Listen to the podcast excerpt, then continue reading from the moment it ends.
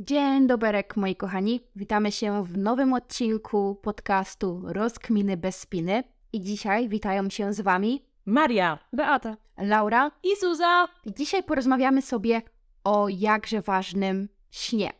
Porozmawiamy sobie, dlaczego tak właściwie on jest taki ważny, na co wpływa, a może i na co nie wpływa, jak polepszyć sobie jego jakość oraz wiele, wiele innych. I na końcu nasze własne przemyślenia. Idąc już tak właściwie do tematu, zacznijmy sobie od tego, tak naprawdę, dlaczego sen jest tak ważny, albo jaką pełni funkcję w naszym życiu. Ja uważam, że sen jest y, bardzo niedocenianym w dzisiejszych czasach filarem zdrowego stylu życia. Czasami powiedziałabym nawet, że ważniejszym niż y, tak popularna dieta czy aktywność fizyczna. Jak najbardziej zgadzam się. Sen według mnie jest bardzo niedoceniany, a tym bardziej niedoceniany chyba wśród młodych osób, wśród naszych rówieśników i rówieśniczek. E, tak, dokładnie, ponieważ sen wpływa na nasze samopoczucie, na nasze zdrowie, na gospodarkę hormonalną, nawet może wpływać na masę ciała, więc tak naprawdę nie ma rzeczy, na którą sen by nie wpływał. Tak, dokładnie. Ponieważ my myślimy, że tak naprawdę, okej, idziemy spać i to jest taki stan, co, nieważkości, nieświadomości, a tak naprawdę nasz mózg oczyszcza się bardzo intensywnie podczas tego czasu i on tak naprawdę intensywnie pracuje i potrzebuje tego czasu. Oprócz tego, że ten nasz mózg intensywnie pracuje podczas snu, to tak naprawdę on przygotowuje nas na kolejny dzień. No właśnie, kolejny dzień? Tak. Otóż nasz sen determinuje jakość kolejnego dnia. I tutaj mam taki super cytat, e, który wyczytałam z książki Jak spać, żeby się wyspać Darii Łukowskiej, której osobiście bardzo polecam. Otóż każdy poważny błąd, jaki popełniłem w swoim życiu, zdarzył się, bo byłem zbyt zmęczony. Cytat Bill Clinton. Więc to nam daje taką informację, trochę taką refleksję, czy rzeczywiście to, jak my się wyśpimy, nie wpływa na to, jak my funkcjonujemy kolejnego dnia. Ja bym nawet powiedziała, że czasami to jest więcej niż kolejny dzień, bo jeżeli ty raz się nie wyśpisz, a potem nie jesteś w stanie tego nadrobić, to to się ciągnie i to może się przerodzić w tydzień albo i nawet więcej czasami. Tak, super. Ja tutaj mogę własną dygresję dać, że okej, ja też nie jestem zawsze idealna i załóżmy zdarzyło się późne wyjście, czy nawet jakaś późna impreza, to u mnie, w moim przypadku, ja tak, tak naprawdę nie odchorowuję następnego dnia, tylko dwa dni później.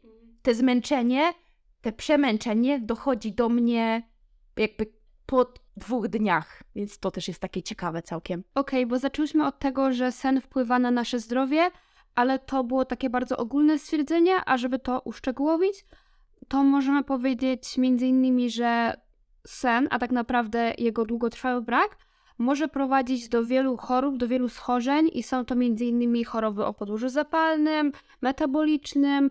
Brak snu może przyczynić się do, do rozwoju e, insulinooporności, cukrzycy typu drugiego, wpływać na otyłość, ale także na choroby neurodegeneracyjne, a nawet rozwój chorób nowotworowych. Co więcej, możemy też stwierdzić, że niedosypianie, ale także sen w godzinach, które są niezgodne z naszym rytmem dobowym, czyli na przykład jeżeli pracujemy, y, mamy pracę zmianową, będzie to negatywnie wpływało na układ immunologiczny, a przez co też będziemy mieli zwiększoną podatność na infekcje, na choroby, ponieważ brak snu osłabia nasz układ odpornościowy. Poza tym wpływa też to negatywnie na układ hormonalny, sercowo-naczyniowy czy układ pokarmowy, więc tak naprawdę, tak jak właśnie wcześniej wspominałaś też, że no tak naprawdę wpływa na wszystko. I wszystko to jest właśnie związane między innymi z tym, że brak snu uniemożliwia nam procesy regeneracyjne w nocy. Tak, super. Ja absolutnie, jak to słyszę, to mi tak głowa paruje, jak ten sen jest naprawdę ważny. Okej, teraz troszeczkę Beata super op- opisała te wszystkie dziedziny, albo te wszystkie części naszego organizmu i aspekty, na które sen wpływa. A teraz to sobie trochę rozbijemy i skupimy się na poszczególnych aspektach troszeczkę bardziej szczegółowo. Ja bym chciała zacząć od pamięci. pamięci troszeczkę sobie powiemy i wytłumaczymy, dlaczego sen wpływa na choroby neurodegeneracyjne, takie jak na przykład Alzheimer. Otóż podczas snu dochodzi do tak zwanej konsolidacji pamięci. O co chodzi? Jest to taki proces, podczas którego w mózgu są utrwalane nabyte informacje z dnia poprzedniego lub aktualnego. Dodatkowo, troszeczkę wchodząc już głębiej w biologię, ale ciekawa informacja, że w mózgu mamy taki układ, który nazywa się glimfatyczny. Trudne słowo, wiem, ale już tłumaczę o co z nim chodzi. Tak jak doskonale wiemy, w organizmie mamy układ limfatyczny, który oczyszcza i jedną z jego funkcji jest usuwanie nagromadzonych i niepotrzebnych już cząsteczek, e, produktów z naszego organizmu, e, które w sposób taki naturalny produkujemy w ciągu dnia. Ok, to teraz ten sam mechanizm przenieśmy sobie na nasz mózg. Mózg ma ten już wcześniej wspomniany układ glimfatyczny, który oczyszcza ze zbędnych produktów przemiany materii, takich uszkodzonych komórek i innych niepotrzebnych, takich niepożądanych i niechcianych substancji z mózgu. I teraz dochodzimy do najważniejszego. Otóż układ ten jest najbardziej aktywny wtedy, kiedy śpimy.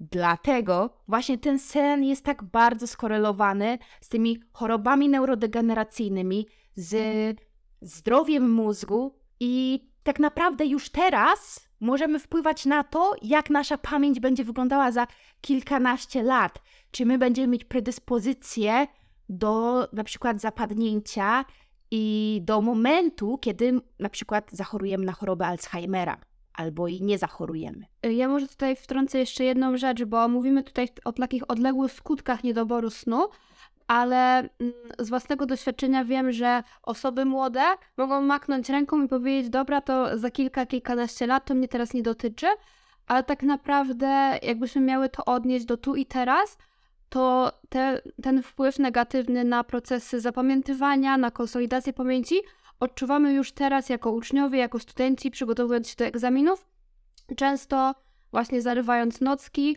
myśląc, że jak będziemy się uczyć w nocy, to pójdzie nam lepiej na egzaminie, no bo przecież musimy się uczyć kiedyś, musimy, w ciągu dnia nie mamy czasu, a prawda jest taka, że tak naprawdę nie za wiele wyniesiemy, jeżeli zarwiemy nockę, jeżeli będziemy siedzieć nad tym, bo może rano się okazać, że tak naprawdę nic nam nie zostało w głowie i usiądziemy do tego egzaminu, usiądziemy nad tą kartką i okaże się, że wszystko nam z głowy wyparowało, bo nie zaszły właśnie te procesy konsolidacji pamięci, które zachodzą w nocy. Więc to jest tak naprawdę dość nieproduktywne działanie i uważam, że lepiej jest się po prostu wyspać. Tak, ja zgadzam się. Jak to się mówi, kto jest bez winy, niech pierwszy rzuci kamień, bo mi również, nawet mi nie udało się, ale zdarzyło się zarwać nockę w liceum. I tak, i super taka e, dopo, dopowiedzenie przez ciebie, że czasem warto się zastanowić, czy może lepiej, może nauczyć się troszeczkę mniej, ale zadbać o ten wypoczynek i rzeczywiście utrwalić te informacje, których się uczyliśmy, czy gdzieś na siłę starać się nauczyć jak najwięcej, ale tak krótkoterminowo, byle tylko napisać, a potem te informacje tak troszeczkę nam wyparują. Okay, przechodząc do kolejnego tematu, Beata wspomniała, wspomniała wcześniej, że sen wpływa na rozwój niektórych chorób, w tym otyłości, więc skupimy się teraz na wpływie snu na nasz apetyt. Sen, który jest krótki, nieregularny, niskojakościowy, wpływa na nasze hormony, w tym grelinę i leptynę, czyli hormony odpowiedzialne za regulację głodu i sytości. I działa on w ten sposób, że podwyższa nam poziom greliny, która jest odpowiedzialna za odczuwanie głodu i zmniejsza poziom leptyny, która jest odpowiedzialna za odczuwanie sytości, więc jesteśmy o wiele bardziej głodni w dniu, w dniu, w którym się nie wyspaliśmy. Właśnie, powiedziałaś, że wpływa to na to, że następnego dnia mamy podwyższony apetyt, no i skutkuje to tym, że mamy tendencję do tego, że częściej sięgamy po wysokokaloryczne przekąski, najczęściej wysokowęglowodanowe, wysokotłuszczowe, ponieważ nasz organizm dąży do tego, żeby dostarczyć sobie mm, jak najszybciej łatwo dostępnej energii. Dodatkowo mniejsza ilość oraz słabszy, mniej jakościowy sen wpływa też na nasz pogorszony, pogorszony nastrój, co później może mm, skutkować tym, że mamy większą tendencję do tego, żeby przejadać się, żeby podjadać, bo chcemy po prostu w jakiś sposób regulować ten swój nastrój. Co jest ciekawe, badania też pokazują, że osoby, które nie dosypiają, spożywają więcej kalorii w ciągu dnia, szczególnie właśnie wieczorem, mm, a wiąże się to z tym, że jeżeli nie dosypiamy, to w konsekwencji tym bardziej wieczorem mamy mniej zasobów psychoenergetycznych, jesteśmy bardziej zmęczeni, no i w konsekwencji właśnie chcemy się pobudzić, przez co sięgamy po napoje energetyczne, ale także słodycze, cukier, właśnie te wysokokaloryczne przekąski, które bardzo szybko dostarczają nam energii. Okej, okay, ja tylko tak jeszcze trochę przekładając to na prosty język, nasz organizm nie jest głupi. I pomyślmy sobie, że mamy pewną bateryjkę. I tak jak telefon podłączamy wieczorem do ładowania, tak my idąc spać, w pewien sposób ładujemy swoje baterie. I jeżeli nie naładujemy ich w całości na takie 100%, to kolejnego dnia nasz organizm domaga się, ponieważ ok, funkcjonujemy sobie do 14, 15, jest 17 i nagle mamy pewien dołek energetyczny. I co? I sięgamy po, tak jak fajnie Bata to wytłumaczyła, produkty, które szybko dostarczą nam energii. Jakby dopełniamy tą bateryjkę zamiast snem, to tymi produktami wysokokalorycznymi, energetyzującymi. Tak, dokładnie. I tak naprawdę, czy rzeczywiście one dostarczają nam energii? Może i tak, patrząc krótkodystansowo, ale w dłuższej perspektywie, perspektywie może to działać znowu niekorzystnie na nasz organizm, bo przejadamy się, bo znowu jemy, jemy zbyt dużą ilość kalorii pokarmu na wieczór i w pewien sposób to może w dalszej konsekwencji utrudniać zasypianie, powodować gorszy sen, no i troszeczkę wpadamy w takie błędne koło. No dobra, jakby ilość snu może wpływać na rozbój otyłości, ale może również pogarszać e, redukcję masy ciała. E, to znaczy, będąc na redukcji e, i będąc w deficycie kalorycznym, nas, nasz organizm jest e, cały czas narażony na mm, jakiś tam stres. Dodatkowo, nie wysypiając się i e, śpiąc zbyt mało i zbyt krótko, dostarczamy sobie tego stresu jeszcze bardziej, przez co wzrasta nam kortyzol, który również wpływa na to, że może nam się odkładać tkanka tłuszczowa. On po prostu sprzyja odkładaniu się tkanki tłuszczowej, więc tutaj również wpadamy w takie błędne koło, bo nie śpiąc i e, będąc w deficycie kalorycznym jesteśmy w ciągłym stresie i chcąc e, kolokwialnie mówiąc, mówiąc zrzucić kilka kilogramów nie jesteśmy w stanie, bo ten kortyzol nam to zaburza. Okej, okay, a druga sprawa to jest to, że niewysypianie się, mała ilość snu będzie skutkowała też tym, że my się po prostu będziemy mniej ruszać w ciągu dnia. Mała ilość snu będzie powodowała to, że my będziemy zmęczeni, więc automatycznie będzie spadała nasza spontaniczna aktywność fizyczna w ciągu dnia. E, organizm będzie robił wszystko, żeby oszczędzić tą energię, ponieważ będzie zwyczajnie zmęczony. Więc nawet jeżeli my stwierdzimy, że okej, okay, wstaniemy trochę wcześniej, pójdziemy spać trochę później, bo będziemy chcieli zrobić na przykład trening, e, bo na przykład chcemy, y, naszym celem jest redukcja masy ciała, może się okazać, że paradoksalnie my tak naprawdę spalimy mniej kalorii niż wtedy, gdybyśmy poszli spać, ponieważ gdybyśmy się wyspali, mielibyśmy więcej energii do tej aktywności fizycznej, a jeżeli przerywamy sobie ten sen, śpimy mało, to koniec końców my tak naprawdę nie będziemy mieli siły, żeby się ruszać. Chodzi też o to, że jakby ten trening po wyspaniu się będzie bardziej efektywny niż yy, po takiej średnio przespanej nocy, więc nawet nie tylko chodzi o zmniejszenie naszej takiej spontanicznej aktywności fizycznej, chociaż to też jest bardzo ważne, ale nie będzie nam się chciało iść na taki zaplanowany trening i będzie on gorszy, będziemy się mniej przykładać, albo nawet podświadomie mniej angażować niektóre grupy mięśni, więc spalimy przez to mniej kalorii. I cały ten aspekt aktywności fizycznej jest związany z naszym metabolizmem, o którym opowiadałyśmy w odcinku 29. Dobra, i teraz tak jeszcze przytaczając jedno fajne badanko, yy, które wykazało, że skrócenie czasu snu z 8,5 do 5,5 godziny sprawiło, że osoby, które redukowały masę ciała, traciły w większości tkankę mięśniową niż tkankę tłuszczową. Właśnie z tego powodu, że ok, te osoby były na diecie redukcyjnej, więc teoretycznie waga nadal spadała, no ale właśnie, czy zależy nam na utracie tkanki mięśniowej? Raczej nie, bo im więcej tkanki mięśniowej, tym ta podstawowa przemiana materii jest większa, tym nasz tak naprawdę metabolizm jest szybszy, a zależy nam na utracie tkanki tłuszczowej. Ok, i teraz jesteśmy w tematach redukcji, to troszeczkę przejdziemy sobie do takich tematów siłownianych, a inaczej mówiąc, chciałabym powiedzieć tutaj o regeneracji w kontekście regeneracji mięśni, a także podatności na kontuzję.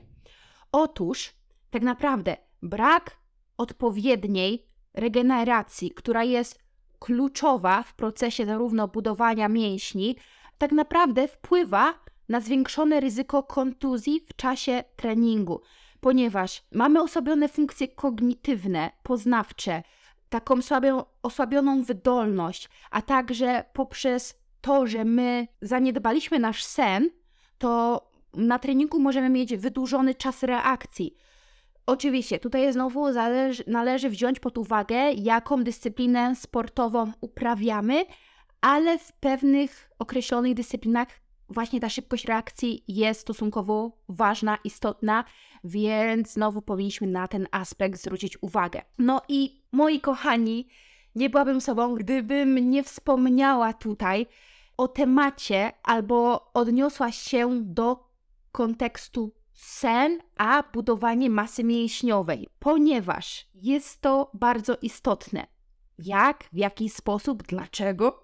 Otóż hormon wzrostu, który jest bardzo istotnym elementem sprzyjającym budowaniu masy mięśniowej, wydziela się właśnie w większej ilości podczas snu, a tak naprawdę pomiędzy drugą a czwartą w nocy osiąga on taki swój najwyższy poziom. Czyli okay, mocny trening, tak odpowiednio mądry trening, to również warto podkreślić, bo czasem ciężki trening to nie jest mądry trening, ale odpowiedni trening, odpowiednia dieta, ale tu właśnie mamy ten nasz trzy, trzeci aspekt, czyli odpowiednio ciężka regeneracja, w tym regeneracja nocna i sen, to jest również bardzo kluczowy aspekt w kontekście, w kontekście budowania masy mięśniowej. Jeszcze bym chciała tutaj dodać, em, to tak nie a propos zdrowia, taka ciekawostka, że e, w 2023 roku wyszedł taki, e, znaczy to wychodzi co roku, raport, że dużo więcej, już tam nie pamiętam o ile procent, wypadków samochodowych jest właśnie przez zmęczenie, przez ten wydłużony czas reakcji i utratę tych funkcji właśnie, znaczy osłabienie tych funkcji kognitywnych, poznawczych i tak dalej, niż przez e, pianych czy mm, pijanych kierowców, czy po prostu pod innymi, e, pod wpływem innych środków e, odurzających. Także to też chyba pokazuje, jaki, jaki sen jest ważny w ogóle. Powiedziałyśmy sobie bardzo dużo na temat tego, jak sen wpływa na nasze zdrowie, na nasz apetyt, tak naprawdę na bardzo dużo rzeczy. Yy, więc może przejdźmy sobie teraz do tego, jak tak naprawdę zadbać o ten sen, jak spać, żeby się wyspać, czyli jak na, czyli yy, tak naprawdę jak wpłynąć na to, żeby nasz sen był lepszy jakościowo. Okej, okay, może takie pierwsze kluczowe pytanie. Ile mam spać? Albo jak długo mam spać? Bo to wydaje mi się, jak ktoś myśli, okej, okay, muszę zadbać o sen, to muszę spać 8 godzin. Czy to prawda?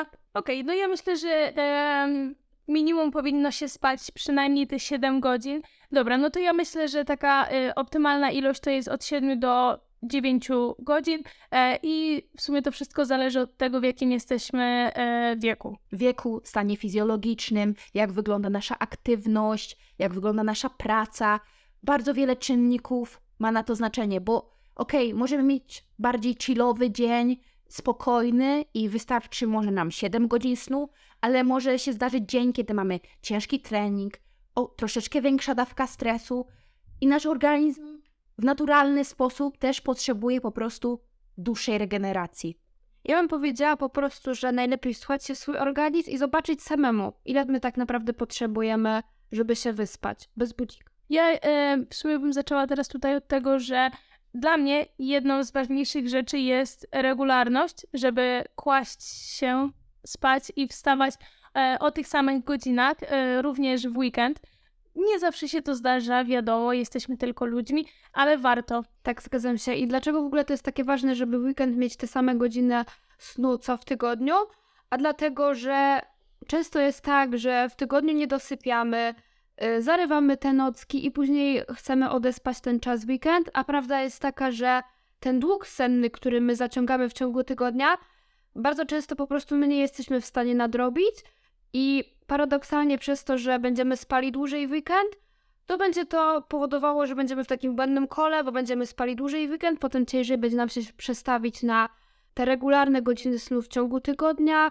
W konsekwencji też ciężej będzie nam się zasypiać, no i będziemy po prostu w takim błędnym kole.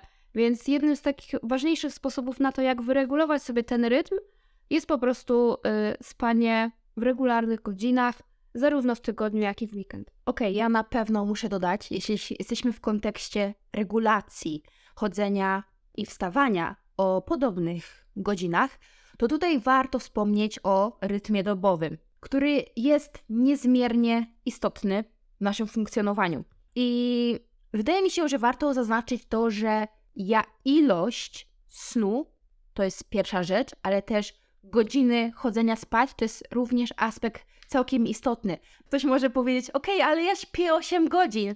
No tak, ale od drugiej do dziesiątej na przykład. Ale czy są to tak naprawdę optymalne godziny snu? No tak średnio.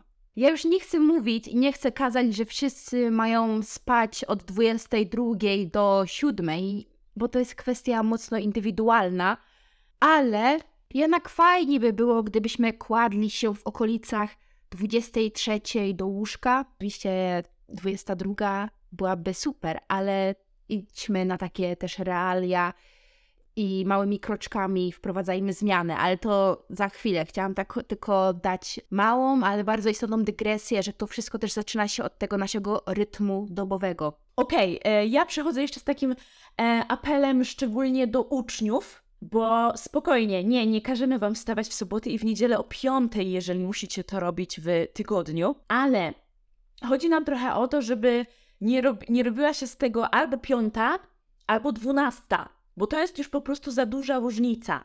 Ale jeżeli e, w weekend chcesz wstać o siódmej, ósmej, to okej, okay, to jest więcej niż, niż w tygodniu, ale to nie jest znowu taki duży przeskok. I chodzi tak trochę o robienie tego po prostu z mądrą głową, bo rzeczywiście takie duże różnice, czyli piąta, dwunasta, mogą, tak jak Beata powiedziała, doprowadzić do takiego błędnego koła. Tak, ja uważam, że takie przesunięcia jedno-dwugodzinne nie zrobią nam absolutnie krzywdy, a lepiej, żebyśmy po prostu się wyspali, niż, no bo prawda jest taka, że y, tym bardziej dzieci i nastolatkowie mają trochę przesunięte godziny snu naturalnie i nie będą chodziły spać o 21 i wstawały o 5 rano, a są po prostu zmuszani przez system, który jest dopasowany do, no tak naprawdę osób dorosłych. No i w idealnym świecie yy, ja uważam, że godziny rozpoczynania zajęć powinny być trochę późniejsze.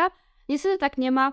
Jest tak jak Maria wspomniała, w weekend oczywiście możemy sobie troszeczkę dłużej pospać, ale żeby po prostu nie przesuwać tak bardzo tych godzin snu, bo to spowoduje tylko to, że później w ciągu tygodnia będzie nam tak naprawdę trudniej się znowu przystosować. Ciągnąc już dalej ten temat yy, godzin snu, e, rytmu dobowego, e, chciałabym też poruszyć taką kwestię jak chronotypy, bo często się słyszy o tym, że ktoś jest albo sową, albo ktoś jest skowronkiem. I czy tak naprawdę te pojęcia mają sens? Y, czy taka idea właśnie tych chronotypów, czy to w ogóle istnieje?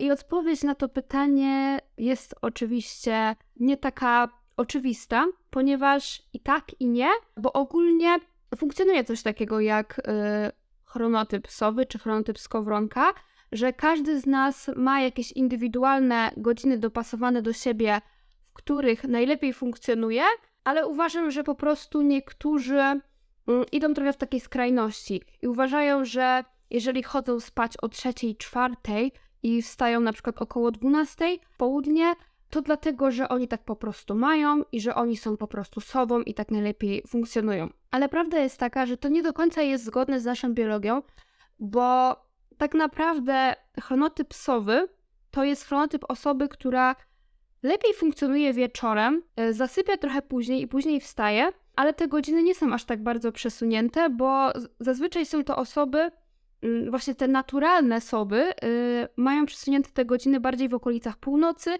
niż tego środka nocy. E, I następnego dnia budzą się około godziny 9 czy 10, e, a nie godziny 13. W przeciwieństwie właśnie do tych skowronków, które mają tendencję do tego, że wstają na przykład około godziny 5 czy 6 i funkcjonują najlepiej, a tak naprawdę duża część społeczeństwa jest takim typem pośrednim, że na przykład wstaje około 7, 8 i wtedy najlepiej się czuje. I chciałabym tutaj, żeby nikt się za bardzo nie przywiązywał do tych godzin, bo to są właśnie takie orientacyjne godziny, jeśli chodzi o chronotyp y, sowy, skowronka, czy właśnie ten typ pośredni. Y, Prawda jest taka, że tak naprawdę my sami musimy trochę na własnej skórze przetestować to. E, tak, ja jeszcze chciałam się odnieść do e, tego właśnie, co Beata mówiła, że to nie jest raczej chodzenie spać o trzeciej w nocy.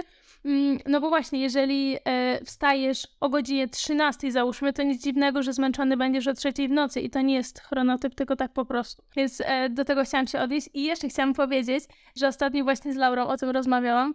E, Laura stwierdziła, że jestem rozregulowanym skowronkiem. I dlaczego?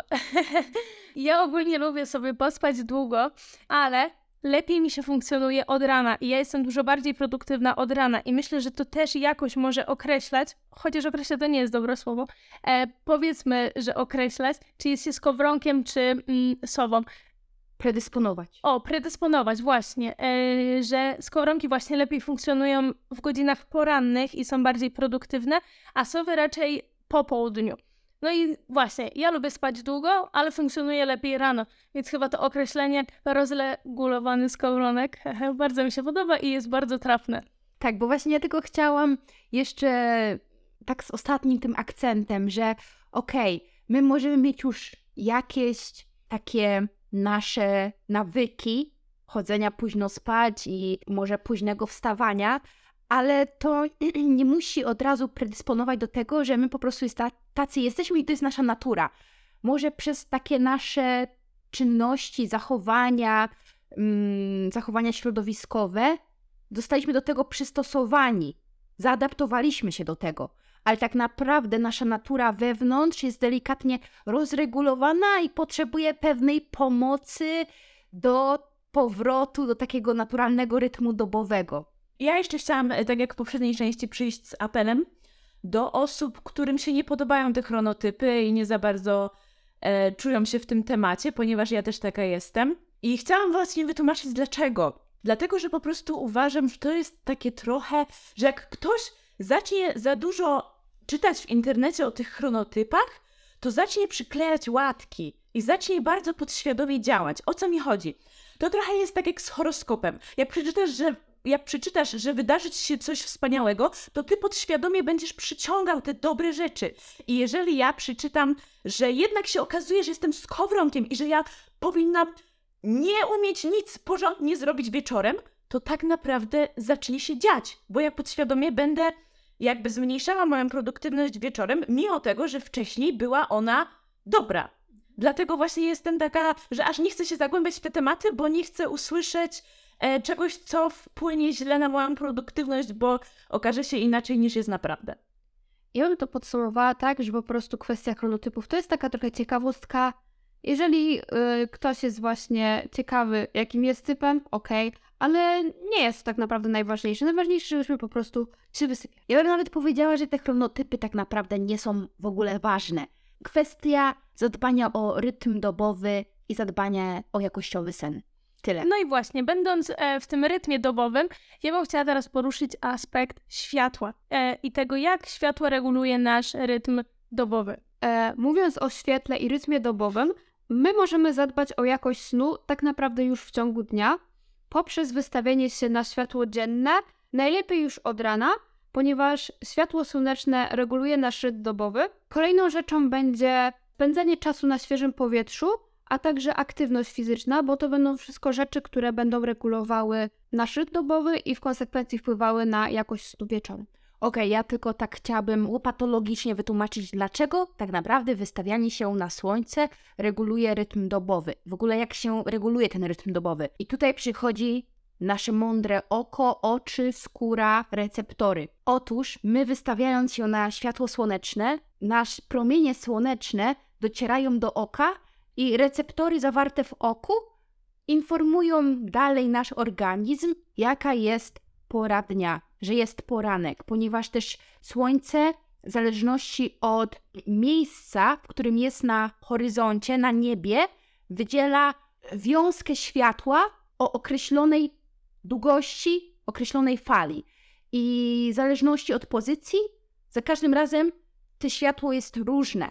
My może tak tego nie odczuwamy. Najbardziej rozróżniamy e, podczas wschodu i zachodu, bo rzeczywiście wtedy widzimy, że to światło jest bardziej czerwone, pomarańczowe, różowe, ale rzeczywiście ma to bardzo duże znaczenie. To jak zaczęłyśmy już od poranka, od tego, jak to wszystko wpływa na nasz wieczorny sen, to możemy przejść płynnie do tematu kofeiny, ponieważ kofeina i kawa jest bardzo częstym rytuałem, który wiąże się z rozpoczęciem dnia. I jak tak naprawdę kofeina wpływa na nasz sen? Otóż kofeina y, spożywana tak naprawdę tuż przed snem będzie wpływała na to, że ten sen będzie płytszy, będzie zwiększała ilość wybudzeń w nocy, więc najlepiej by było, żebyśmy tak minimum, takie absolutne minimum, unikali picia kofeiny właśnie na 6, na 6 godzin przed snem, a najlepiej dłużej, bo w większości przypadków będzie to tak, że będziemy po prostu mieli problem z metabolizowaniem tej kofeiny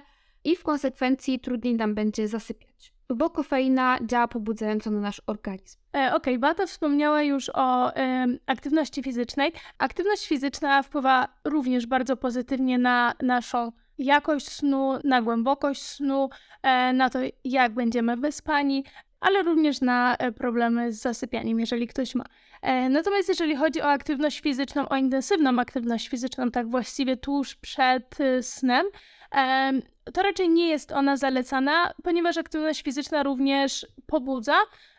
No więc tuż przed snem może wpływać niezbyt pozytywnie na jakość naszego snu. No dobra, ale załóżmy, że ktoś ma te treningi wieczorem i jest to nieuniknione. To ja. Na przykład Maria, e, która zaraz pewnie opowie swój przypadek, czy na przykład masz problemy z zasypianiem. Bo okej, okay, ktoś może usłyszeć, że e, trenuję wieczorem, to co, teraz mój sen jest słabej jakości? Niekoniecznie. Znowu to zależy, bo jeśli masz problemy z zasypianiem po intensywnym wysiłku, bo jeżeli ktoś ma problemy z zasypianiem po wysiłku fizycznym o wysokiej intensywności, to może rzeczywiście warto byłoby się temu przyjrzeć. Dlaczego i coś z tym zrobić. Ale jeżeli masz intensywny trening, wracasz do domu i bez problemu zasypiasz, to absolutnie nie ma się czym przejmować. Dobra, i teraz taki mały tip dla osób, które rzeczywiście mają te treningi wieczorem i nie mogą zasnąć, to na przykład zawsze można spróbować pewnego rodzaju wyciszenia. To się też mówi box briefing, czyli skupienia na głębokim oddechu. My za chwilę dokładnie też omówimy wszystkie metody i wskazówki na lepsze zasypianie, ale nie chcę, żeby ktokolwiek teraz był przestraszony, że jak trenuje intensywnie wieczorem, to jego sen już jest na straconej pozycji, bo tak nie jest. To prawda, zgadzam się, bo ja całe życie trenuję w godzinach. Kiedyś to była 18-20, teraz jest bardziej 20-22 nawet. I jakby da się spać po tym. Więc tak jak Laura powiedziała, to już są. Będziemy Wam jeszcze mówić o technikach na lepsze zasypianie. Kolejną sprawą, która będzie wpływała na naszą jakość snu, będzie tak naprawdę nasza dieta i to, co my jemy, a konkretnie co jemy przed snem. I mówię tutaj o ostatnim posiłku, o kolacji, E, która nie powinna być zbyt obfita. Najlepiej, żebyśmy zjedli lekką kolację 2-3 godziny przed snem. Chodzi po prostu o to, żebyśmy się nie przejadali na noc, ponieważ będzie to wpływało negatywnie na naszą jakość snu, ale będzie też, mo- ale może też nam po prostu to utrudniać zasypianie. Dobra, teraz jeszcze takie fajne wytłumaczenie troszeczkę w kontekście przewodu pokarmowego i trochę wrócimy do tego, jak sen wpływa na nasze zdrowie ale wydaje mi się, że jest to odpowiedni, odpowiedni moment, aby to tutaj dodać, ponieważ kiedy zasypiamy, tak naprawdę spada również aktywność naszego przewodu pokarmowego i tym samym zwalnia nasz pasaż jelitowy. Dodatkowo zmniejsza się ilość kwasu solnego w żołądku, czyli to już sprawia, że ta nasza, to nasze trawienie jest takie mniej efektywne. I dlatego gdy idziemy spać z pełnym brzuchem, możemy się spodziewać pewnych dolegliwości trawiennych, na przykład sprzyja to zaburzeniom nawet mikrobioty jelitowej, tym również może to korelować w przyszłości do rozwoju SIBO, czyli takiego przerostowi bakterii w jelicie cienkim.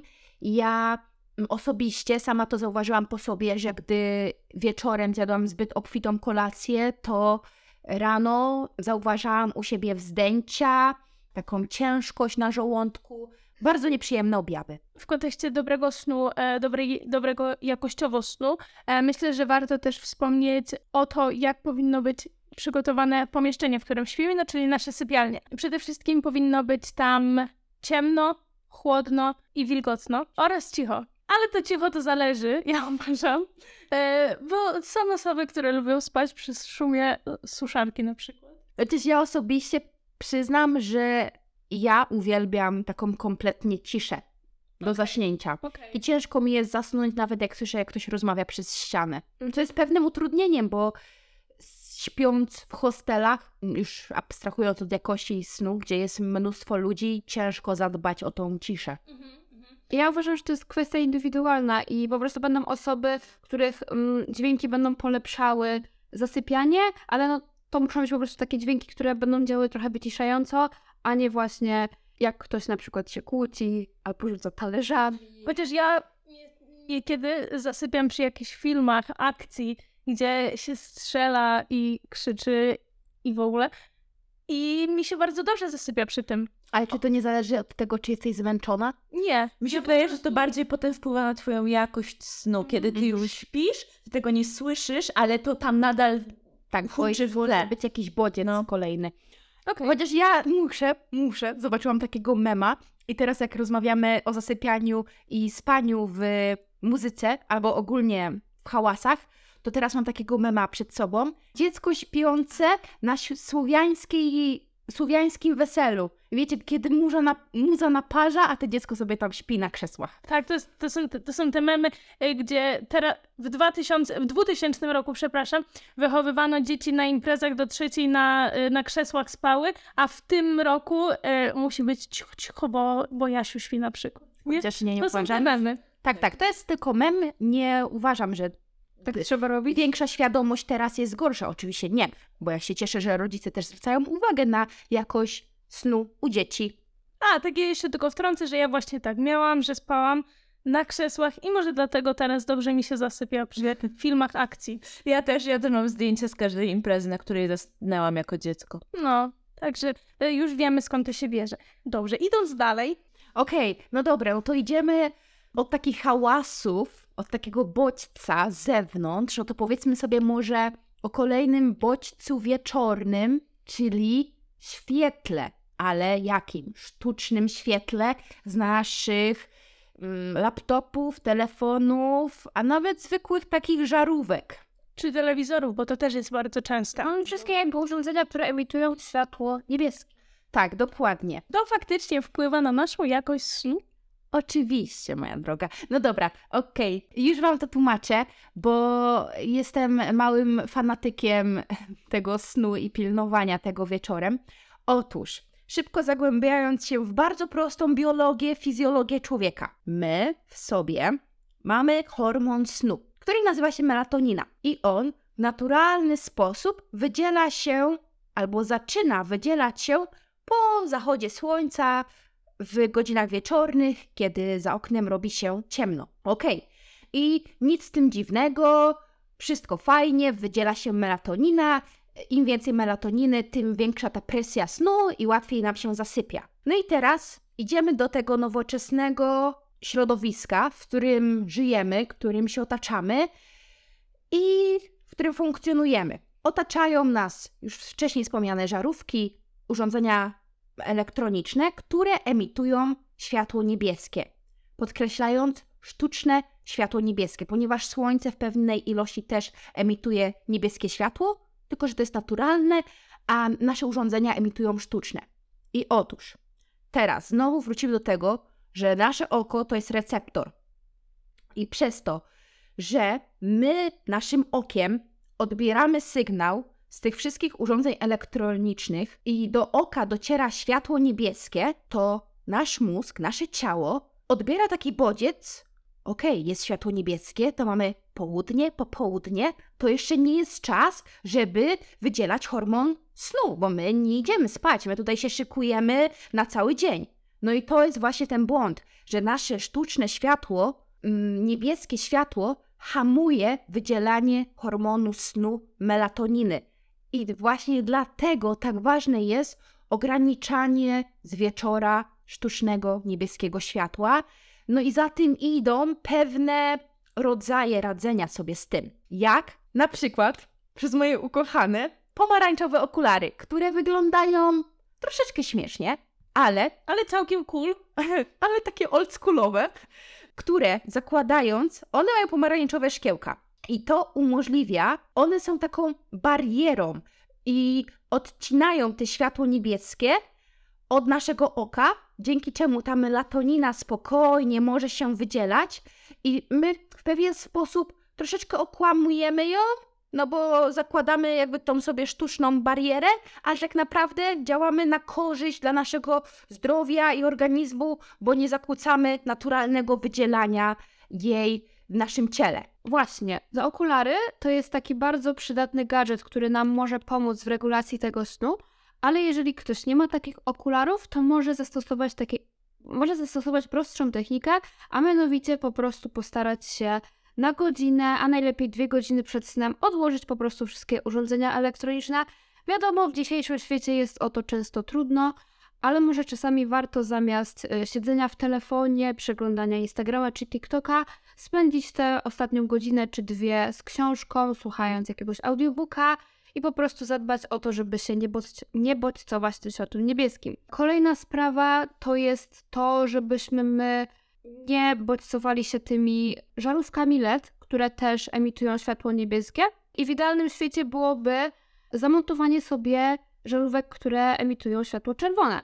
Ale uważam, że takim pośrednim rozwiązaniem będzie po prostu włączanie sobie wieczorem bardziej takiego ciepłego oświetlenia, żeby po prostu nie narażać się na to takie niebieskie, żarowe oświetlenie. Dobra, teraz w mojej głowie pojawia się takie py- pytanie, ponieważ to co, w ciągu dnia zwykłe światło, wieczorem inne światło, no nie będziemy w ciągu dnia zmieniać żarówek, ale e, takim wydaje mi się też prostym rozwiązaniem byłoby zainwestowanie w chociaż taką jedną żarówkę, e, która również mm, działa tak ochronnie, bo emituje tylko czerwone światło i zainstalowanie na przykład w jednej lampce. Mhm. I załóżmy tą jedną lampkę zapalać tylko wieczorem. Mhm. I w sypialni przed snem. Dokładnie. Okej, powiedziałyśmy o tym, żeby nie bodźcować się właśnie tym niebieskim światłem, bo to nas będzie pobudzać, żebyśmy skupili się na wyciszeniu.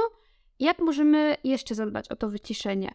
Właśnie, powiedziałyśmy o to, żeby postawić na odpoczynek z książką. Możemy też posłuchać muzyki, jeśli lubimy, audiobooka, audiobooka podcastu. Jeżeli intensywna aktywność fizyczna powoduje to, że trudno nam jest zasypiać, a chcemy po prostu się poruszać jeszcze trochę przed snem, może warto postawić na jakąś delikatną aktywność fizyczną w postaci przykład rozciągania czy jogi. Mm, Jeżeli ktoś ma jeszcze problem z zasypianiem, mm, zmaga się z gonitwą myśli przed snem, ma tendencję do zamartwiania się i stresowania, pomocne może być także zastosowanie technik relaksacyjnych, takich jak na przykład ćwiczenia oddechowe. Y, Jest też taka fajna rzecz jak relaksacja progresywna, y, która polega na tym, że my naprzemiennie rozluźniamy i napinamy mięśnie i to jest synchronizowane z oddechem. I tak naprawdę wszystkie te techniki możemy znaleźć sobie czy to na Spotify'u, czy na YouTubie i puścić sobie przed snem.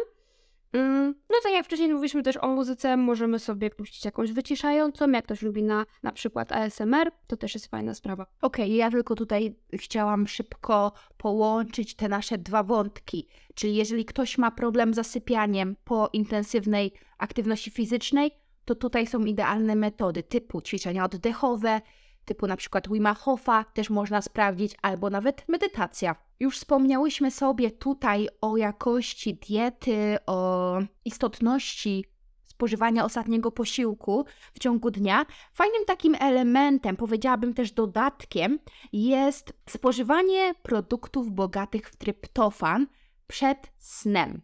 Może nie sam przed samym snem, ale ogólnie zadbanie w ciągu dnia, może też na kolację skomponować te posiłki. Dlaczego? Otóż tryptofan to jest rodzaj aminokwasu, który jest potrzebny do tego, aby powstała melatonina, już też wcześniej wspomniana tutaj, czyli ten nasz hormon snu. Po prostu jeden aminokwas jest potrzebny do stworzenia kolejnego.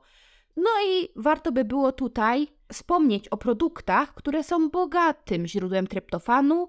Na przykład są to banany, płatki owsiane, rośliny strączkowe, orzechy, produkty sojowe, pełnoziarniste, a także nawet czekolada. Chociaż tutaj warto zwrócić uwagę na ilość spożywanej czekolady, ponieważ e, w zależności jaka jest to czekolada, to może być to skorelowane z ilością kofeiny zawartej w niej. Dobra, to jeszcze w kontekście snu opowiedzmy sobie o drzemkach, zarówno o tych em, drzemkach rozumianych jako sen w ciągu dnia, jak i o drzemkach takich włączanych w budziku.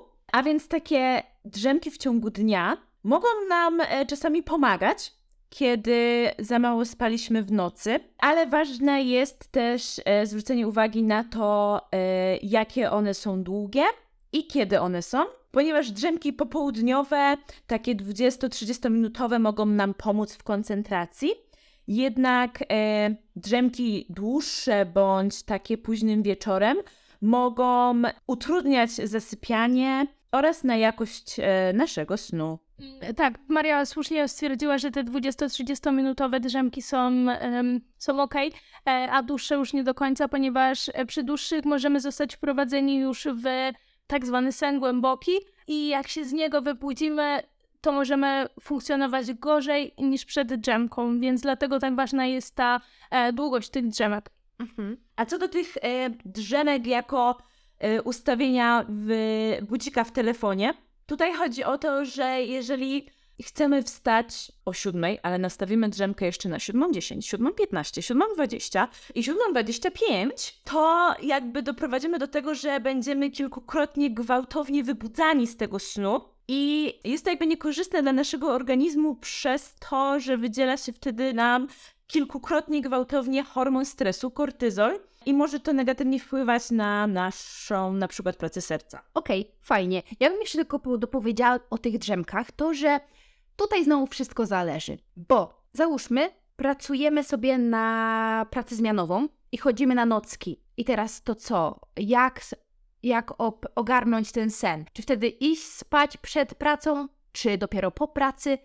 Otóż tutaj odpowiedź nie jest jednoznaczna, bo to zależy znowu, jak my się czujemy i jak my funkcjonujemy, ale jeśli wiemy, że załóżmy noc, która się szykuje, będzie nieprzespana, bo albo idziemy do pracy, albo idziemy na imprezę, mamy jakieś spotkanie, cokolwiek, to warto byłoby zainwestować w tą drzemkę, już wtedy nawet może i dłu- dłuższą, przed takim wyjściem, przed taką nocą. Okej, to teraz tak, przyszliśmy sobie mniej więcej od wskazówek, jak zasypiać lepiej, jak sprawić, aby ten sen był głębszy, bardziej jakościowy.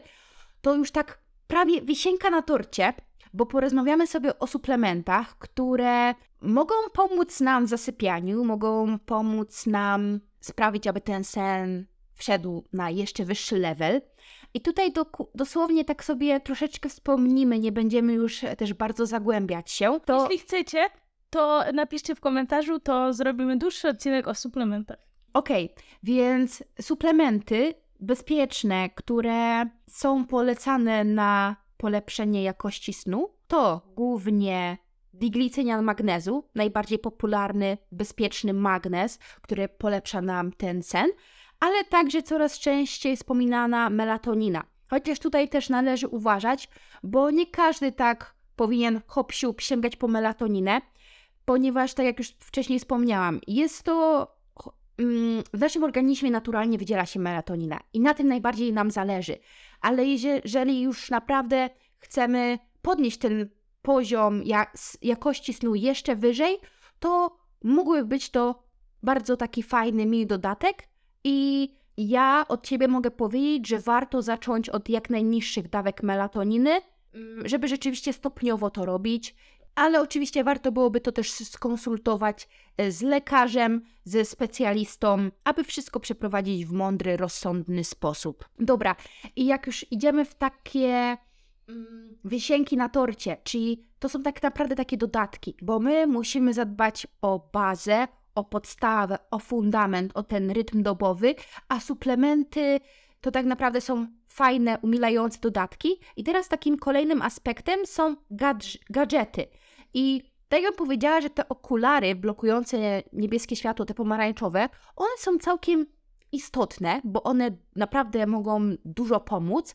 Tak, takim też fajnym dodatkiem, który niektórym może pomóc, jest kołdra obciążeniowa. Otóż to jest po prostu taka cięższa kołdra, łopatologicznie tłumacząc, która sprawia pewien, pewną presję, pewien ciężar na ciało i podobno dla niektórych to może po prostu tak działać relaksująco, odprężająco i ułatwiać niektórym zasypianie. To znowu jest kwestia do przetestowania, chociaż te takie gadżety związane z snem też nie są najtańsze, więc to wszystko zależy, czy możemy sobie na to pozwolić. Ja bym tutaj jeszcze tak powiedziała na szybko, że no właśnie, bo te okulary blokujące czerwone światło są dosyć drogim gadżetem.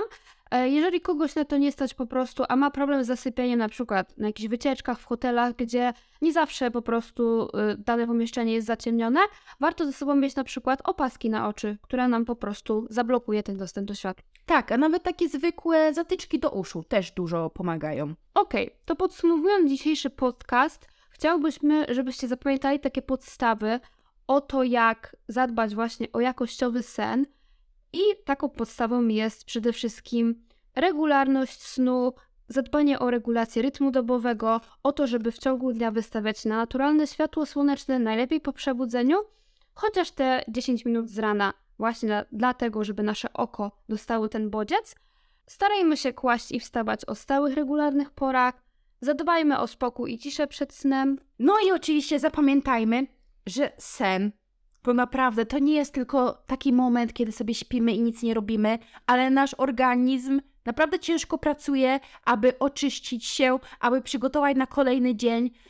Traktujmy ten sen jako bazę, jako fundament. Jak budujemy dom, to stawiamy fundamenty, tak jak my stan- budujemy nasze zdrowie, tak potraktujmy ten sen jako fundament. Taki, takie drzwi, taka, m, taki klucz do zaczęcia dbać o swoje zdrowie, do, do rozpoczęcia rozwiązywania naszych problemów zdrowotnych, jakiekolwiek one by były. Według mnie naprawdę sen to takie antidotum i filar zdrowego stylu życia. Dziękujemy. Tak, był to całkiem długi i wymagający odcinek, ale mi bardzo się przyjemnie rozmawiało, bo ja uwielbiam rozmawiać o jakości snu.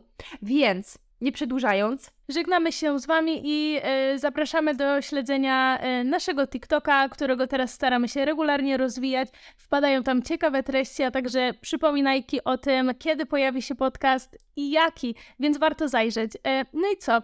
To chyba na tyle i do usłyszenia w następnym odcinku. pa! Pa!